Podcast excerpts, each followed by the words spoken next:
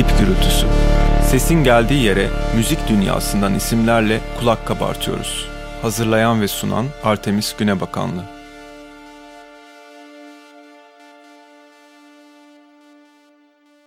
Dip gürültüsünden herkese merhaba. Ben Artemis Günebakanlı.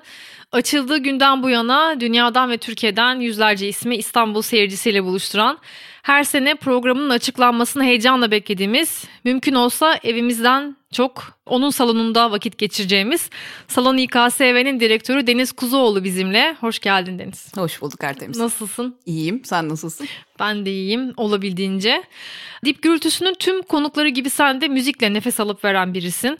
Uzun zamandır müzik sektörünün etkinlik tarafında gerek festivallerde gerek tekil mekanlarda çalışıyorsun. Müziği hayatının merkezine koyan insanlar için dışarıdan baktığın zaman rüya gibi bir iş aslında bu. Salon direktörlüğüne kadar uzanan kişisel yolculuk nasıl başladı, nerelerden geçti? Biraz oralardan başlayalım istiyorum. Tamam, biraz kısaca özetlemeye çalışayım. Dediğin gibi aslında hani müzik aşkıyla girdiğim bir iş bu. Aslında eğitimim bunun üzerine değildi. Ama yani kendimi bildim bileli çocukluğumdan beri hani müzik dinliyorum. Hani sanırım ilk Walkman'imi babam 5 yaşındayken almıştı. Ondan sonra da hep kendi istediğim müziği dinledim. Sonra üniversite yıllarında hani biraz daha üniversite yılları biraz şeydir ya kendini sorgularsın. Hani ne iş yapacağım, ne yapacağım diye. Daha ilk senelerinde hani 9-5 bir işi çok istemediğimi, mümkünse müzik dünyası ile ilgili bir şey yapmak istediğimi fark ettim. Ama ben şey Ankaralıyım Ankara'da. Üniversiteyi de Ankara'da okudum. Haliyle hani çok da büyük bir sektörün olduğu bir yer değildi. Ki İstanbul bile o zamanlar en çok şey değildi. Hani aktif değildi. Bir iki kurum, kuruluş vardı. İlk başta okul radyosuyla başladım. Orada programlar yapmaya başladım. Hacettepe Üniversitesi'nin radyosunda. Sonra son sınıfta Doğan TV yayın grubu bir e, staj açtı İstanbul'da.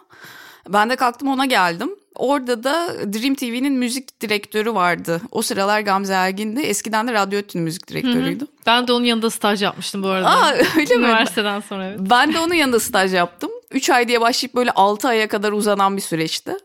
Giderken de Gamze'ye dedim ki ben müzik sektöründe bir iş bulmak istiyorum. Hani kulağın açık olsun hani beni ne olur unutma diye. 2009'un başında da tahminen Şubat gibiydi sanırım. Bana haber verdi Pozitif Babilon. O sıralar şey pozitif Rock'n Coke yapıyordu, One Love yapıyordu. İşte onlar yazın ki festivaller için şey dönemsel elemanlar alıyorlar. Başvurmak ister misin dedi. Tabii dedim. Ondan sonra görüşmeye geldim. Teknik prodüksiyon asistanlığı. Bu arada teknik prodüksiyonla ilgili hiçbir şey bilmiyordum ama hani istedikleri şey de aslında hani gerçek bir asistanlıktı. Hı-hı. Hani ve kabul ettiler. O sıralar teknik prodüksiyonun başında Orçun Ejder vardı. Onun yanında işe başladım. 6 ay kadar o sırada hem Vanlıva hem Rock'n'Coke'da çalıştım. İşte backline nedir, rider nedir bilmezken hani bütün bunları öğrendim. İşin kademelerini öğrendim. Sonra bir anda kendimi Van sahnesinde buldum. Sahnenin koordinatörüydüm. Rock'n Coke'un koordinatörüydüm. Sonra Temmuz sonunda da o işin şeyi bitti süresi. Onlara da tabii dedim hani beni lütfen hani unutmayın ben Hı-hı. bu işlere devam etmek istiyorum diye. Şansıma yani benim zaten yani bu sektördeki en büyük şansım yani bu buralara gelmemin en büyük sebeplerinden biri çok iyi insanlarla şanslı zamanlarda karşılaştım.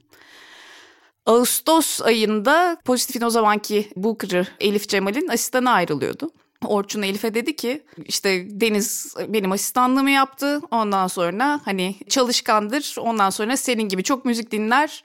Ben senin yanında olsam şey yaparım bir şans veririm diye. Ondan sonra görüştük ve orada da booking hayatına başladım. 2009 Ağustos 1 Ağustos'ta Pozitif Pavilon Booking ekibine katıldım. Sonra da Booking üzerinden Sonra program ilerledi. evet Booking olarak ilerledi. 2012'nin sonuna kadar Pozitif'te çalıştım. Sonra bir 6 ay bir Charmenko dönemim var ama orada da şeyi fark ettim.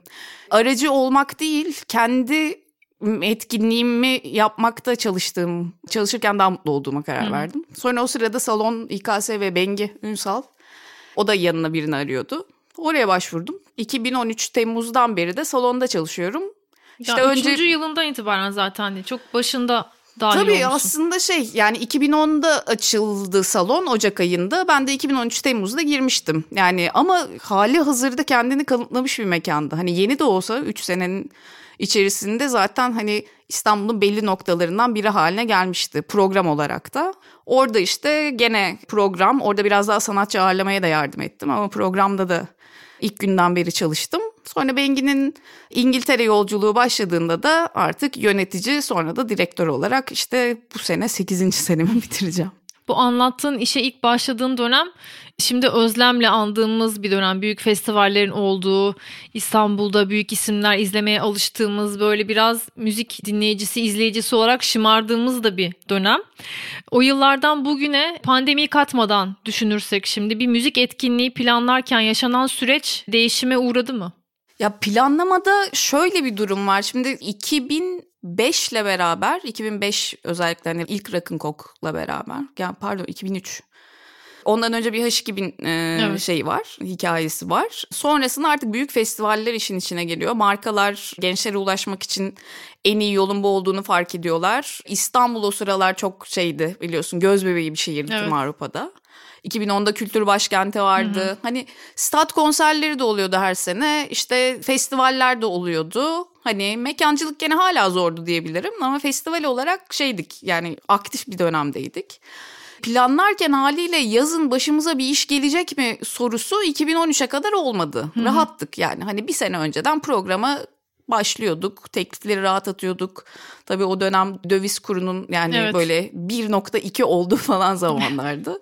Haliyle bilet geliriyle harcadığınız sanatçı kaşesi arasında çok büyük farklar da yoktu. Ama ne zaman ki 2013 yazına geldik. Sonrasında her yaz zaten hani ülkede bir sıkıntılı bir durum oldu. Evet. O zaten şey planlamalarda her zaman bir sekteye uğrama hani kriz yönetme kısmında bizi geliştirdi. Kurlar çok arttı kurların artmasıyla haliyle alım gücümüz ya da bir etkinlik planlama gücümüz azaldı. Orada sponsorlardan destek bekledik ama sponsorluklarda da o sırada belli başlı yaptırımlar gelmeye başladıktan sonra oradan da bir kayıp yaşadık. Biraz daha sade, biraz daha ayakları yere basan planlamalar ve hani çok riske girmeme anlayışıyla ilerledi. Bu sırada da zaten çok fazla festivali de kaybetmiştik. Çünkü benim bahsettiğim işe girdiğim dönemde 2009 yazında hani sadece One Love Rock'n'Coke değil işte bir önceki senesinde Radar oluyor. Ondan sonra e, festivallerin olduğu bir dönem var. Evet. Esonis Fair işte Festival'lar vardı. Festival'lar vardı. Olsa. Üç sene oldu Festival. O da hatta İKSV'nin programını yaptığı, Pozitif'in de prodüksiyonunda destek verdiği bir işti. Şeyi hatırlıyorum.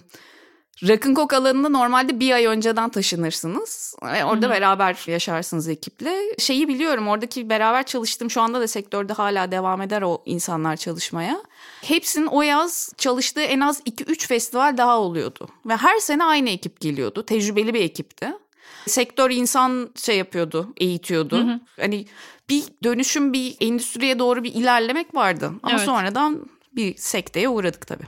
Sekteye uğramasının sebebi aslında şey gibi yani hem yaptırımlar hem işte ülkenin içine sürüklendiği biraz güncel durum. Ama bunlar sekteye uğrarken biz bu festivalleri kaybederken o festivallere gelen orayı dolduran kitle ne oldu sence? O nasıl dönüştü? Uzaklaştılar mı bu dünyadan? Ya da belki o işte onları takip eden nesle aktarılabildi mi, aktarılamadı mı o deneyimler? Bir sonraki nesle aktarılamadı bence. Yani 80 ile 89 arasında doğanlar güzel bir İstanbul etkinlik yazını mutlaka en azından bir senesine denk geldiler. Sonrasında e, bu kitle büyüdü. Hani belli bir yaşa geldi çoğu. işte iş, aile, çoluk çocuk derken hani etkinlik katılımları da azaldı. Normalde zaten nedir? Genelde 18'i doldurursun ve işte mekanlardan festivallere doğru koşarsın. Evet yani işte sabah 7.30'da güneşin tepeye e, gelmesi 45 derece olan çadırda çekirgelerle uyanmayı göze alabildiğin bir yaşa kadar kamp alanlarında Tabii. kalırsın. Yani zaten hani bu hayatı seven ve hani bundan Hı-hı. hiç gocunmayan bir kitle genelde genç bir kitle olur. E, sonrasında ama yani bahsettiğimiz dönem artık 8 sene öncesinden itibaren festivalleri olmadığı zamanlara geldiğimizde açık hava festivallerinden bahsediyorum bu arada. Yani minimum 10-15 bin kapasiteli. E, haliyle bir kitle de onu görmedi. Hani haliyle öyle bir alışkanlıkları olmadı. İşte biz planlarımızı mesela işte bu yaz hangi tarihte hangi etkinlik var diye yapardık. Hı hı. Şimdi artık öyle bir dünya yok. müziğe ulaşmanın kolaylaştığı dünyada canlının değerini anlamak için de biraz etkinliklere katılımın fazla olması lazım. Ee, o da çok etkinlik olmayınca katılan sayısını etkiledikçe bence şu anki jenerasyon çok da hani etkinlik konusunda hani bizim gibi heyecanlı mı tam emin değilim. Bizde şey vardı hani yabancı bir grubun gelmesi büyük bir heyecandı kendimizi çok şanslı hissederdik. Hani o etkinlikte bir sıkıntı yaşasak bile bizim için hani çok da böyle hani günümüzü şey yapan böyle mahveden bir şey olmazdı. Hı hı. İşte ne bileyim bir bar sırası ya da bir tuvalet sıkıntısı hı hı. vesaire gibi şeyler. E, şimdi biraz da tabii şey hani konfor alanının genişlediği etkinliklere de bir eğilim var. E, o da çok yani hani gene bahsettiğimiz bütçelerden dolayı çok da mümkün olmayan işler. Zaten çok kalabalık işlerden. Yani festivalin mantığında yok öyle bir şey. Yani dünyanın en büyük festivali nedir? Glastonbury'dir Hı-hı. aklımıza geldiğinde. 50. senesini kutlayacaklardı. E, iki sene önce tabii. Daha hala olamadı ama. Şimdi oraya gittiğinizde görürsünüz ki hani evet çok bir şey hijyen ortamı yoktur. Evet. evet tuvalet sırası vardır, bar sırası vardır. Çok kalabalıktır. Evet. Ama herkes orada beraber yani bir anı yaşar. O sahnedeki müzikle beraber güzel bir hatıra elde ederler. Burada biraz sanki şey gibi ya biraz sosyal medyanın da hayatımıza girmesiyle sanki bir şeyi yaşarken aynı anda ona not verme, yaşadığın şeye aynı anda feedback verme alışkanlığı giriyor. Sosyal medya dediğimiz insanın kendini çok önemsediği de bir dünya haline gelebiliyor. Tehlikelerinden biri bence bu her zaman. E, tabii ki insanların şey hani özgürce düşüncelerini ifade etmesi, yorumlarını söylemesi mutlaka gerekiyor. Bu arada her zaman bu sektör şey yapıcı eleştiriye açıktı. Ama yapıcı eleştiriden çıkan nokta da çok olduğu oluyor.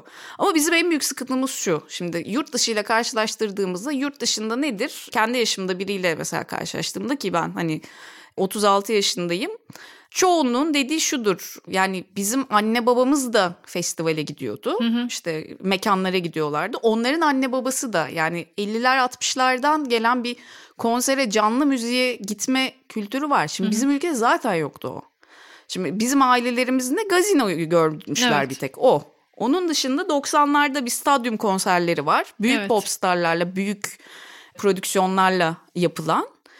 Yani hani eski Taksim dediğimiz hani Taksim'deki barlar dediğimiz de aslında bahsettiğimiz 90'lar. Hani evet. çok uzak bir kültür değil. Evet bir insan yaşamı çerçevesinde çok büyük bir değişim yaşanıyor aslında ve sürekli kesintiye uğruyor.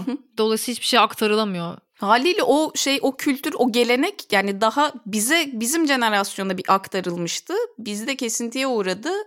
O yüzden şey yani canlı müzik sektöründe gitmemiz gereken nokta bu sürdürülebilirliği bir şekilde sağlamak. Ki zaten en büyük sorun da genelde oradan evet, çıkıyor. Evet şimdi oraya geleceğim. Sezonun ilk bölümünde biz Murat MRT Seçkin'le butik sahneleri konuşmuştuk. Bağımsız müzik sahnelerini. Ona da sorduğum bir soru yöneltmek istiyorum sana. Bir müzik mekanı, bir sahne varlığını nasıl sürdürür?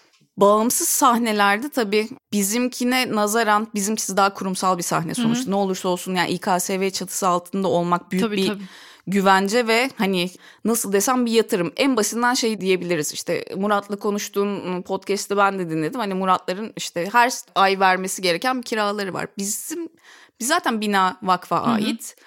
Hani kira sıkıntımız yok. Bir yatırım yapılmış. O yatırımı bulmak için yani sonuçta bir müzik sahnesinin hani bir sahne kurduk la bitmiyor. Yüz binlerce euroluk ses sistemleri ondan sonra sanatçılar için bütün senelik program için yapılması gereken bütçe.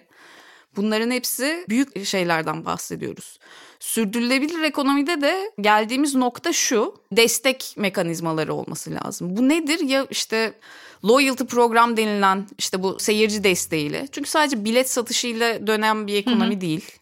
Ya da ülkemizde olan sponsorluk desteğiyle. Çünkü hı hı. diğer ülkelerde genelde yerel ya da genel yönetimler mekanların içeriğini gözetmeksizin onların ekonomiye katkısını göz önünde bulundurarak her zaman onlara bir destek verir. Bazısına daha büyük destekler, bazısına daha küçük destekler. Çok fazla fon imkanları var.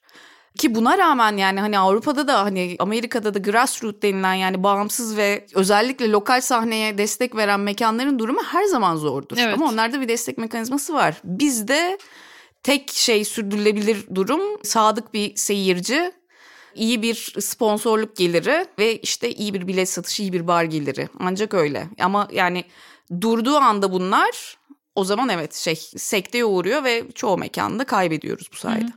Bu Avrupa'daki örnekleri aslında söylemene sevindim onu da soracaktım. Çünkü dünya geneline baktığın zaman zaten şöyle bir şey var. Bu mekanlar desteklenmeli ve bu kabul edilerek destekleniyor senin söylediğin gibi yerel ya da genel yönetimler tarafından. Burada bu kavram hiç oturmamış diye düşünüyorum ben. Yani bu mekanlar neden desteklenmeli? Bizim için önemi ne? Onun farkında da değiliz gibi hissediyorum birazcık.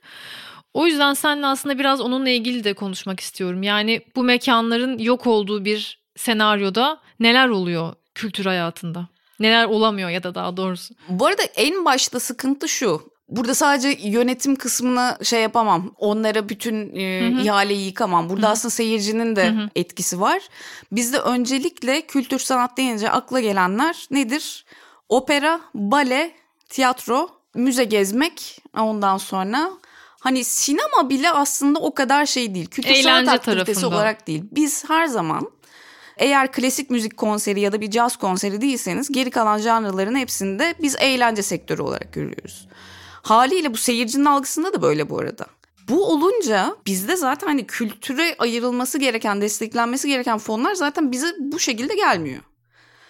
E, eğlence olarak görüldüğümüz için bu sponsorluk markalarının gözünde de aslında daha tüketime yönelik E, alanlar olarak görülüyoruz. E, seyircinin gözünde de öyleyiz ve bu destek mekanizmaları da bu şekilde gelişmiyor. Yani bu bir kültür sanat yatırımı sahnedeki sanatçı hani bir eş değeri olan bir klasik müzik cellistiyle aynı konumda görülmedikçe bu mekanizmalar gelişmiyor. En büyük sıkıntımız da zaten şey eğlence olarak görülmemiz. Hı hı.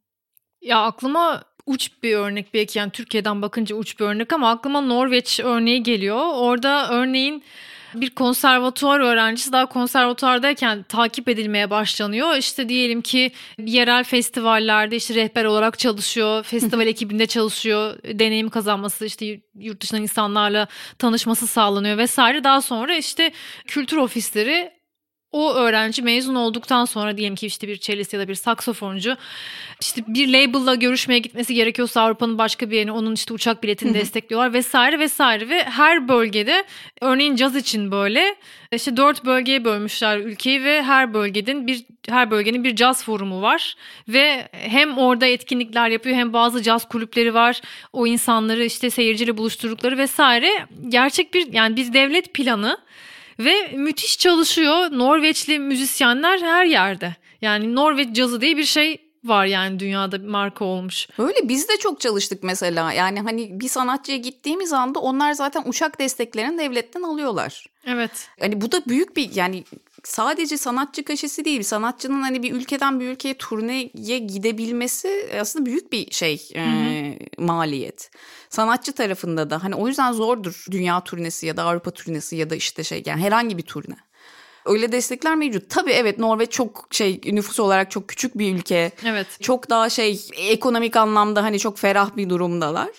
Ama şöyle bir şey var gelişmekte olan tüm ülkeler gelişmiş ülke seviyesine gelebilmek için kültür sanata yatırım yapmaları gerektiğini çok iyi biliyorlar. Hı hı. Şimdi Norveç biraz daha böyle steril bir örnek gibi gelebilir ama yani hani son yılların en önemli ülkelerinden biri nedir? Güney Kore'dir. K-pop dediğimiz şeye şu an burun kıvrılabilir ama devlet buna yatırım yapıyor. Yani K-pop için konservatuarlar var. Ve bu arada şey yani bu burun kıvırdığımız pop müzisyenlerini şan dersleri, nota dersleri hani bir gerçek bir eğitimden geçirip sonrasında da onların hani yurt içi ve yurt dışında aktif bir şekilde müzik yapmalarını sağlayacak destekler veriyorlar. Bu devlet destekli. Yani K-pop'un devlet destekli olduğu bir dünyaya geldiğimizde evet hani janrasını da artık şey yapmamalıyız. Kültür sanata destek verirken hani göz ardı etmemeliyiz. Hı-hı bunun önemini, bunun ekonomiye katkısını belli bir noktada çok iyi bir geri dönüş alacağını şey yapmamız gerekiyor. Yani bunun bilincinde olmamız gerekiyor. Festivallerde düşünürsek mesela işte senin de benim de katıldığım Primavera. Primavera'nın yarısı yurt dışından gelme insanlardır. Evet. Zaten hali hazırda Avrupa'nın gözde tatil bölgesi Barcelona evet. Ama o dönem gerçekten yani o içerideki 200 bin kişinin 100 bini işte çoğunluğu İngiliz olmak üzere bu arada. hani bütün şehri kalkındıracak şekilde oraya akın ediyor. Evet ya o bir hafta boyunca asla yer bulamıyorsun hiçbir yerde. Oteller, Otellerde, Airbnb'lerde. Airbnb'lerde, Bunu restoran çok- kafelerde. Evet bunu çok daha küçük bir örnek için de düşünebiliriz. Utrecht'teki Logesu Evet. aynı şekilde o dönemde hiçbir yerde yer bulamıyorsun. Küçücük bir şehir. Tabii. Yani. Hollanda bu konuda çok başarılıdır bu arada. Legesu hani halka bilinen ve hani genel olarak seyirci için yapılan bir festival ama Utrecht'ten de küçük Groningen şehrinde her sene Ocak ayında ki Hollanda'da Ocak ayı yani eksi 10 derece demek bu arada minimum. Yaptıkları sadece güncel müzik sektörüne ve canlı performanslara özel Showcase Festivali ile Eurosonic'le bütün Avrupa'daki müzik sektörü profesyonellerini oraya yığıyor. Şöyle söyleyeyim otellerde zaten yer olmuyor. Mümkün değil. Nehre dört tane bot otel denilen şeyler kuruluyor ve biz o otellerde kalıyoruz ve gecenin bir vaktine kadar soğukta eksi onda bir grubu görebilmek için hani sırada bekliyoruz. Bunlar bu arada genç insanlar değil müzik sektörü her yaştan insan ve çoğunluğu da aslında 30-40 plus insanlar. Büyük bir şey giriş ücreti var bu arada. Her sene 300-350 euro o sadece bece almanız. E bunun zaten bu kadar insan yok yemeği yok oteli yok treni. E önüne sonuna işte şeyi bir Amsterdam'ı bir şeyi derken yani hani küçücük şehrin bir üniversite şehrinin dört günde elde ettiği şey turizm geliri yani hani senede elde edemeyecekleri bir gelir Groningen gibi bir şehir için. Çünkü hani cazibesi olan bir yerde değil mesela. Evet bu yani böyle bir şey yapılamayacak bir şey değil aslında. Ya niyeti olanın bir kere şeyi anlaması lazım. Şimdi bu sektörden büyük paralar kazanmak için kimse girmesin. Promoter tarafına da katıyorum bunu bu arada. Yani biletli iş yapıp para kazanma hayali kimsenin olmaması lazım hani. Bir kere zaten bir onları elemek gerekiyor bizim sektörde. Kendi tarafımdan söylüyorum yani. Sanatçı tarafı zaten hani onların daha iyi yorum yapabileceği noktalar ama kendi tarafımdan baktığımda bazısı hani bu işleri hiç bilmeyenler hani niyeti iyi olsa da hani başka düşüncelerle girenler bir kere şeyi de çok sonra farkına varıyorlar ve sürekli sektörü sekteye uğratıyorlar. Ya bu iş para kazandıran bir şey değil. Mekan açmak ya da şey vesaire öyle bir şey değil. Bunu gerçekten gönül verip kültür sanata yatırım ve destek olarak görüp zarar etmeyecek şekilde kendini idame ettirmen gerekiyor. Bir bunun anlaşılması lazım. Bunu yapan promoter sayısı ülkede çok az. Zaten İstanbul etraflı dönüyor ama işte bahsettiğimiz gibi ya bu çok basit niye bizim güzel tatil beldelerimizde bir şey olmuyor sorusunda bir sene bir mekanda bir şey yapılıyor. ikinci sene bir şey yapılıyor. Üçüncü senesinde o mekanın asıl sahibi, arsa sahibi diyor ki aa bunlar çok güzel para kazanıyor ben burada iş yapayım. Biz öyle bir sürü yazlık mekan da kaybettik bu arada.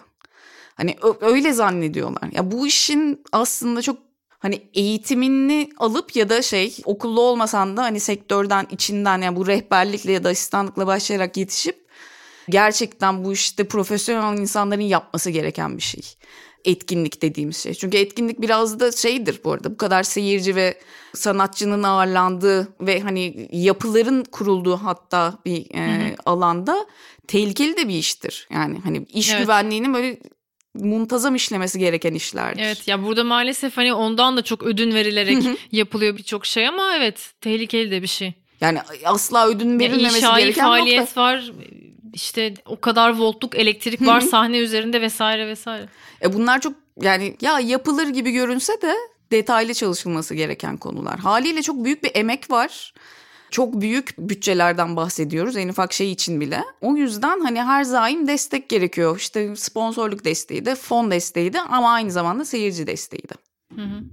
Bunları tabii şey hep uzun vadeli düşünmek gerekiyor. Yani bir şeyi işte iki sene, üç sene devam ettirmek değil, on sene devam ettirmek belki. Seyircinin de ona bir noktada karşılık vereceğini düşünüyorum. Çünkü evet şu anda en çok bilet almasını bekleyeceğin, müzik etkinliklerine katılmasını bekleyeceğin kitle gerçekten bununla çoğu zaman çoğu yerde ilk defa karşılaşan bir kitle oluyor. Onun da bir alışması ve böyle hani onu sahiplenmesi gerekiyor belki. Ya zaten iyimser olalım. Bir de şöyle bir şey var. Evet. Yani ben benim zaten kötümser olmak gibi bir lüksüm yok. Yani ben işte hani konuşmamızın başında hani evet güzel bir işim var. Hani işimi de çok seviyorum.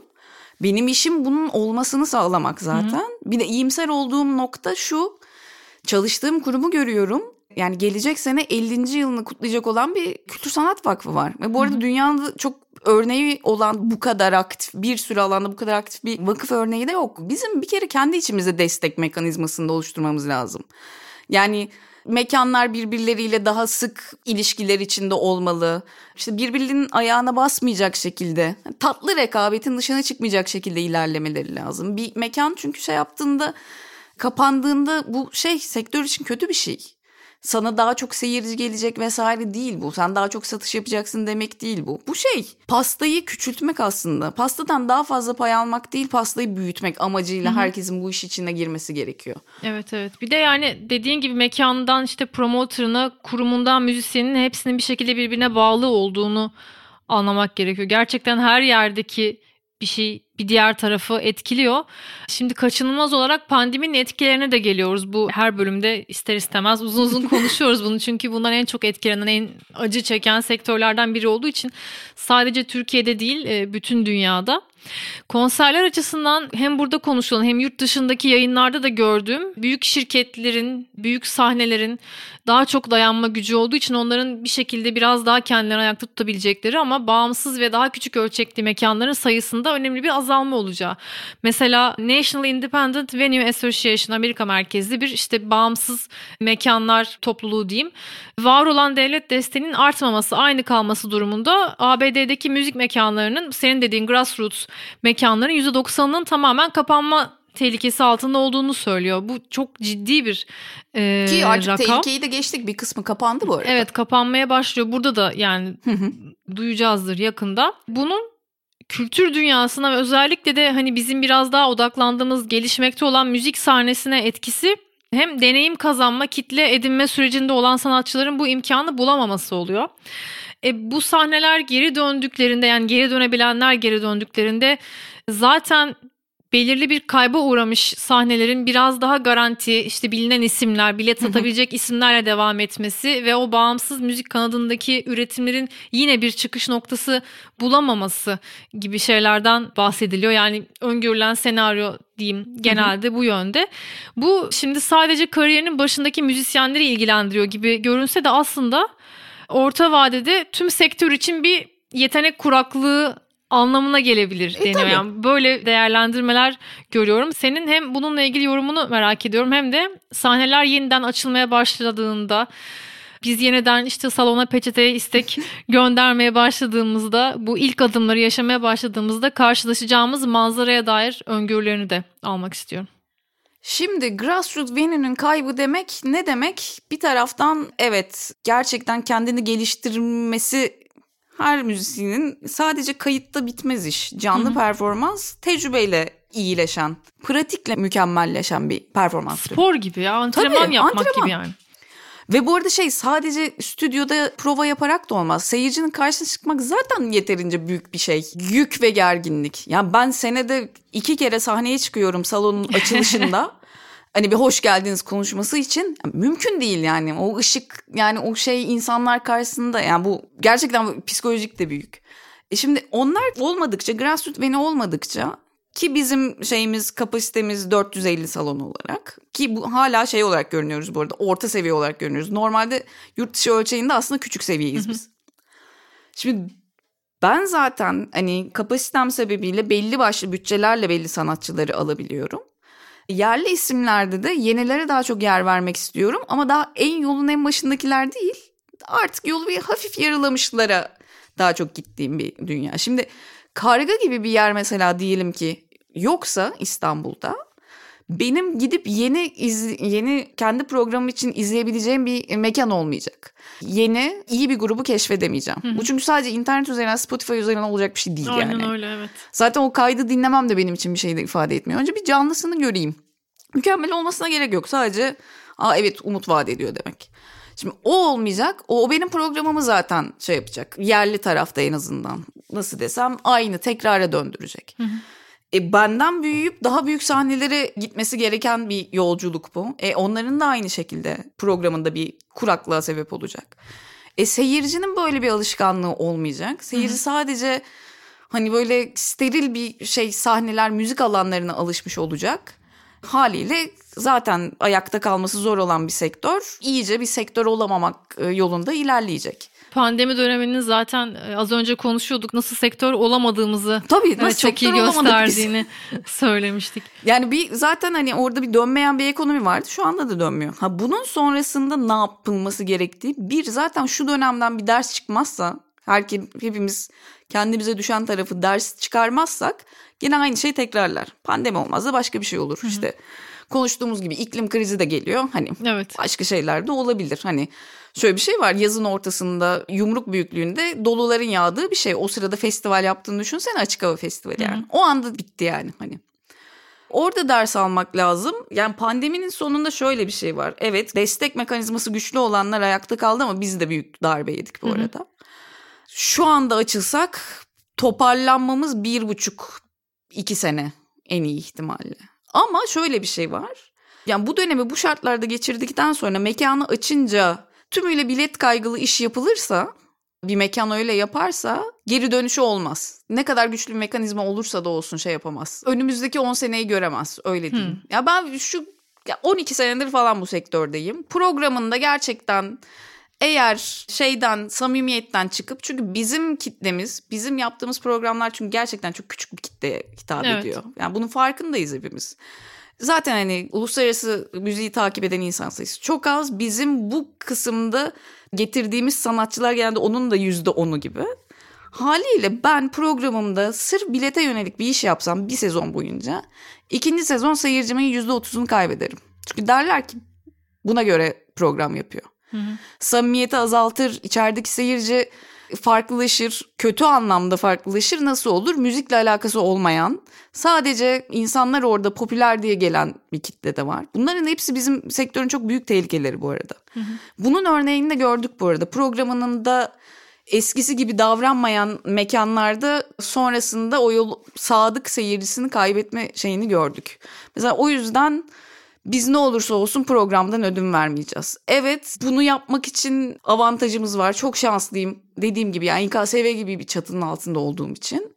Ama olmasaydım da gene yapmamayı tercih ederdim. Yapmamayı da hatta tavsiye ederim. Yani ödün verirsen kısa vadeli bir çözüm olur. Yani uz- bu sektörde devam edebilmek için en az 3 senelik 5 senelik plan yapman gerekiyor. Program da dahil buna.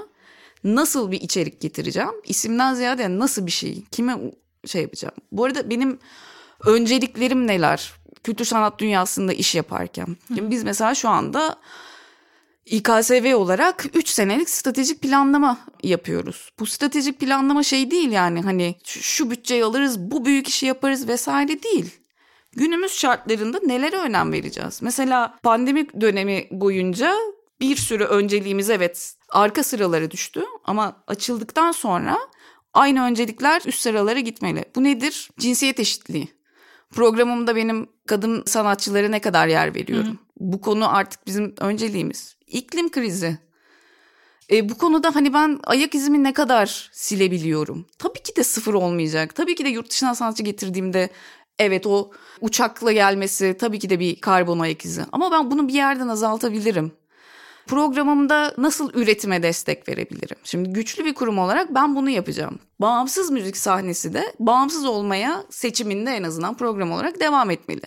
Herkes yapabildiği kadarını yaparsa ve birbirine destek olursa buradan bir çıkış yolu buluruz. Bu noktada seyircinin de sürekli destek, tam destek vermesi Bunda da gerektiğini evet, de yani şeyi kadar o da yani. hani Biz- bir evet, öğrenci bizim de ne yapabilirsek işte yani dediğin gibi. bir öğrencinin kadar. cebindeki parayı biliyoruz. Bir tane konsere gidebilecekse ona gitsin. Ama gerçekten 10-15 konsere gidebilecek ya da işte kültür kurumlarına destek verebilecek insanlar da elin cebine atsın. Sonra şey de ağlamasınlar yani hani işte Rex de kapandı hani. E Rex kapandı da sen Rex'e en son ne zaman gittin? Hani onu bir sormak lazım. Bu sadece bizim ülkede olan bir şey değil. Daha iki gün önce işte Los Angeles'taki çok işte bir dom bir sinema vardır. Orası kapandı. Şimdi bütün şey ayaklandı. Hani Evet. sinema sektörü. Çünkü çok özel bir yer. E ama sen en son oraya ne zaman gittin? Hani bütün bir senedir kapalı ne yaptın? Hani orada da herkes kendi yapabileceği kadar desteğini gösterip beraber bir çözüm buluruz. Kötümser değilim ama şeyim yani bu Güzel bir challenge ya. Evet, bu bir Önümüzdeki challenge iyi ek- bir challenge yani. emek gerekiyor, şey gerekiyor, çalışma gerekiyor. Söylediğin şey çok hoşuma gitti ama yani önceliklerin pandemiden önce neyse yine aynı şekilde olmalı. yani onun öyle olmayacağı düşüncesi işte biraz yani müzik sektörü en azından müzisyenler tarafında diyeyim o tarafı daha iyi bildiğim için orada zaten ekonomik bir kaygı var ama bu dediğin şeyin öyle olmayacağı daha da büyütüyor oradaki kaygıyı. Çünkü böyle hani biraz şey ya bize zaten ne zaman sıra gelecek ki? Hı. Bu sahneler açıldığı zaman gibi. Şimdi Burada konuştuğumuz aynı şeyi işte kur farkından tabii biz daha çok konuşuyoruz. Yurt dışından sanatçıların gelmesi çok zor. E pandemi bunu daha da zorlaştırdı. Örneğin İngiltere'de de yani bu işin hani Mekke'si diyeceğimiz yerde de aynı şey sadece pandemi üzerinden konuşuluyor. Orada da yani NME'de de şu yazı çıkıyor. Önümüzdeki yıl festivallerde hep İngiliz grupları göreceğiz çünkü yurt dışından işte insanlar gelemeyecekler. Yerli gruplara gün doğdu falan. Bunu böyle enemi gibi bir yerde görmek çok tuhaf geliyor. Sanki böyle hani sadece bizim derdimizmiş gibi. Ama buraya da böyle bir yansıması olacağını düşünüyor musun? Bir süredir vardı zaten. Yani yeni yerli gruplar giderek daha çok sahne buluyorlardı. Salon bunun aslında önünü açan yerlerden biri. Ya zaten şöyle bir şey var. Zaten bunu böyle olması da gerekiyordu. Şimdi e, orada da dediğim gibi bizde her zaman öncelik şeydi. Hani yeni yerli gruplara da yer vermekti. Şeyde bu ilk böyle 2013 ve 2017 arası çok zorlu zamanlar vardı ya. Hani Hı. her sene aynı konuşmayı yaşadık. Bundan sonra yabancıların gelmesi çok zor. Yerliler daha çok şey yapacaktı. Evet. Şimdi bir mutlaka gelecek yabancı isim bir şekilde oluyor. Ama sen ona zaman bırakmadan programının belli başlı oranını zaten yerlilerle ilerletmelisin. Bu arada şey yani program yaparken bu bir mekanın avantajına. Çünkü evet bazı geceler istediğin gibi dolu olmuyor ama zaten o sanatçıların verdiğin kaşeler hani seni bir gecede batıracak kaşeler de değil. Bu yeni müzisyene yer açma. Evet bir zarar ama küçük bir zarar. E, haliyle onlara bir iki bir şey yapman, deneme yapman sonra sonra öyle bir grupla geri dönüyor ki sürekli şey hiç beklemediğin bir anda sürekli soldat eden yerli gruplarla salonun tarihi bununla dolu. Hani evet tabii ki de yabancılarda bir azalma olma ihtimali yüksek sebebi ne? Yabancı sanatçı getirmeyi göze alan promoter sayısı zaten azdı. E, bunu hakkıyla yapabilen de hala az. Dediğim şekilde profesyonel olması gerekiyor çünkü. Ama bizimkisi gibi mesela İKSV, Zorlu, ondan sonra işte Babylon vesaire bunların gene programlarında aynı şekilde devam edecek. Evet bütçelerimiz daha farklı olacağı için tercihlerimiz farklı olabilir. Ama zaten kapasiteler sebebiyle yani başka bir alternatif isme de gidebiliyoruz. Aslında bu fena da bir challenge değildir. Ama sadece yerliye oynamak dediğin şeyde beni korkutan taraf aynı yerli isimleri oynamaya gitme olur. O da dediğim gibi gene yani ters teper. Şey yapar o sanatçının da ilgi çekiciliğini kaybettirir. Mekanın da ilgi çekiciliğini kaybettirir. Hani böyle bir özel olması da gerekir. Program her zaman çeşitli olmalı bu arada. Çünkü bizim gibi kurumlar şey program çeşitliliğine önem veren aylık devamlı program yapmayan yerler. Onu yapan mekanlar var zaten hani. Biz de o olursak o iş olmaz. Ama yerlileri zaten yüzde oranı olarak artması gerekiyordu. Hani sahnemiz zaten yani 20 milyonluk şehirde beraber oturalım sayalım şimdi senle 10 tane anca çıkarırız diye Evet. düşünüyorum. Bahsettiğimiz isimlerin sahne alabileceği yerler evet. O yüzden umuyorum yerlilere de biraz e, şey olur. Ama yani yabancılarda belli başlı işler devam edecek. Ama zaten yani ilk bir iki sene tabii riske girmek zor. İnsanların gelebilme ihtimali zor. Onu da öngörüyoruz. 2022'nin daha iyi olacağını umut ediyoruz ama 2021 için şu anda geçerli olan bu. Dediğim gibi mevzuyu böyle anlık düşünme, anlık çözümlerle gidersen olmaz. Uzun vadeli düşünmek lazım. Yani sen her zaman yerliyi bir tarafta tut. Yabancının da planına, kendi bütçene, kendi kapasitene, kendi alanına uygun şekilde seç. Ki sektör büyüsün, seyirci büyüsün, daha da yeni mekanlar açılsın, daha da sahne imkanı bulsun yerliler. Evet. Bir- İngilizlerin derdi de beni gerçekten bu arada. Yani sadece İngiliz gruplar mı diye. Ya onlar işte hani olumlu tarafından bakalım. İngiliz gruplar. Ha e, bu arada bu şey. şey bulacak, yeni yer bulacaklar kendilerine. bizde bu sanki bir de- çıkışları daha kolay olacak gibi. Bizde bu sanki bir de kötü bir şeymiş gibi algılanıyor. Ya ben tamamen aslında olumlu tarafından söyledim. Ya sen de öyle ki İngilizlerde de öyle. Bak ne güzel lokal sahne Evet evet. Ben şimdi seninle konuşurken böyle işte hani Kadıköy'den vapura binip Karaköy'den yukarı yürümeyi işte arka taraftan gelmeyi işte sokakta kim var kim yok böyle birazcık sohbet ederek içeri girip böyle montu bırakayım falan yani o hissi acayip özlediğimi fark ettim.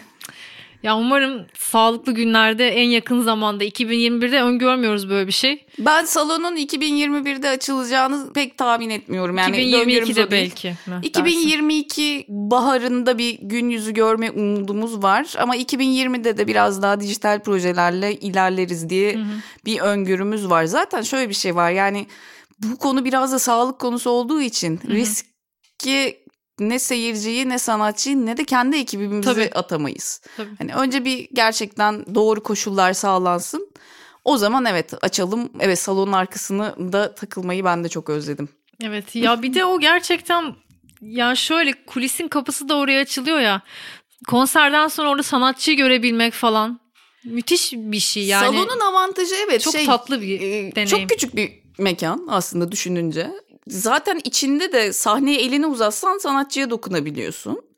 E bizim seyircimiz her zaman çok tatlı bir seyircidir. Hani böyle bir de bizde mesela şey yani garip bir şekilde benim programımdaki bütün sanatçılar her seferinde merchandise'larını getirirler. Hani hı hı. ben bizdeki kadar merch satışının olduğu başka mekan bilmiyorum İstanbul'da bir getirirler bir sohbet ederler arkayı bir çıkarlar bir muhabbet ederler bir fotoğraf çektirirler kaç geceyi biliyorum seyirciden bir iki kişiyle gruptan birilerini nereye gidelim deyip peyote'ye gönderdiğimi hani onlarla gittiğimi yani salon öyle samimi bir yerdi yani o samimiyeti çok özledim tabii umuyorum şey yapacağız yani hani o konulara geri döneceğiz. Peki kapatmadan bir şey daha sorayım. 2022'de belki yani ufak ufak bir şeyler olabilir diye düşünüyorsun ya sen bütün Avrupa ile iletişim halindesin diye düşünüyorum zaten. Hem hani salon benzeri mekanlarla hem agentlarla orada durum nasıl görünüyor? Yani benzer takvimler mi konuşuluyor? Şu anda Avrupa'da yaz aylarında festivallerin bir kısmı az kapasitede olsa ayakta işlerle geri döneriz planları yapan ülkeler var. Bunlar aşılama oranının çok yüksek olduğu Hı-hı. ülkeler sonbahar ayları için mekanlarda yarı kapasitede olsa bir şekilde açılırız umudu var. 2022'de de daha normale döneriz umudu var. Ama bu dediğim gibi şey 3. lockdown'u bitirdi mesela şey İngiltere yavaş yavaş bir planını açıkladı. Hı hı. Aşılamasına geldi. Aşılama bizim yaş, yaş ortalamamıza da düştü bu arada. Hani hı hı. şu anda şey evet. 40 plus'ı aşıladılar 30'ları da aşılayacaklar ve büyük bir rahatlık onlara sağlayacak. Bizdeki en büyük sıkıntı şey bu oranın düşük kalması o zaman hala büyük bir risk taşıyoruz demektir. Hı hı. Amerika'da da aşılama şu anda çok yüksek oranda evet. işte. Yani dünyanın bir tarafında zaten Yeni Zelanda, Avustralya kısmına gelirsek onlar zaten can sıktılar bütün süreç boyunca. İsrail falan da bitirdi. Etkinliklere bile başladılar. Onlar bitirdiler. Onlar %100 aşılama ama Yeni Zelanda biliyorsun vaka sayısını sıfırladılar ve ayakta konserler hani böyle ağzına kadar dolu mekanlar. Bizde şey aşılamanın yüksek oranda olması lazım. Yani en azından yani 20 yaş ortalamasının da büyük oranın aşılanması lazım ki sağlıklı bir plan yapalım. Çünkü şöyle bir şey var. Bazı mekanlar oturmalı ve sosyal mesafeli işler için çok uygun ama mesela salon değil. Hı hı. E bizim ayakta gerçekten mesafenin de çok önemli olmadığı bir dünyada geri dönüşümüz olur ancak ve ancak kapalı mekanlarda. Hı hı. Kapatmadan önce son bir şey soracağım. Dinleyiciler bu bölümü dinleyenler bu bölüm bittikten hemen sonra açıp hangi şarkıyı dinlesinler sence? Hmm. O çok şey ani bir soru oldu. Şarkı olarak düşüneyim. Aa, Black Country New Road Instrumental. Tamam.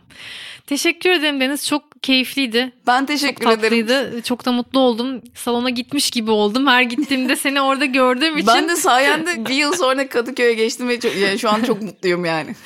Tekrar teşekkürler Deniz.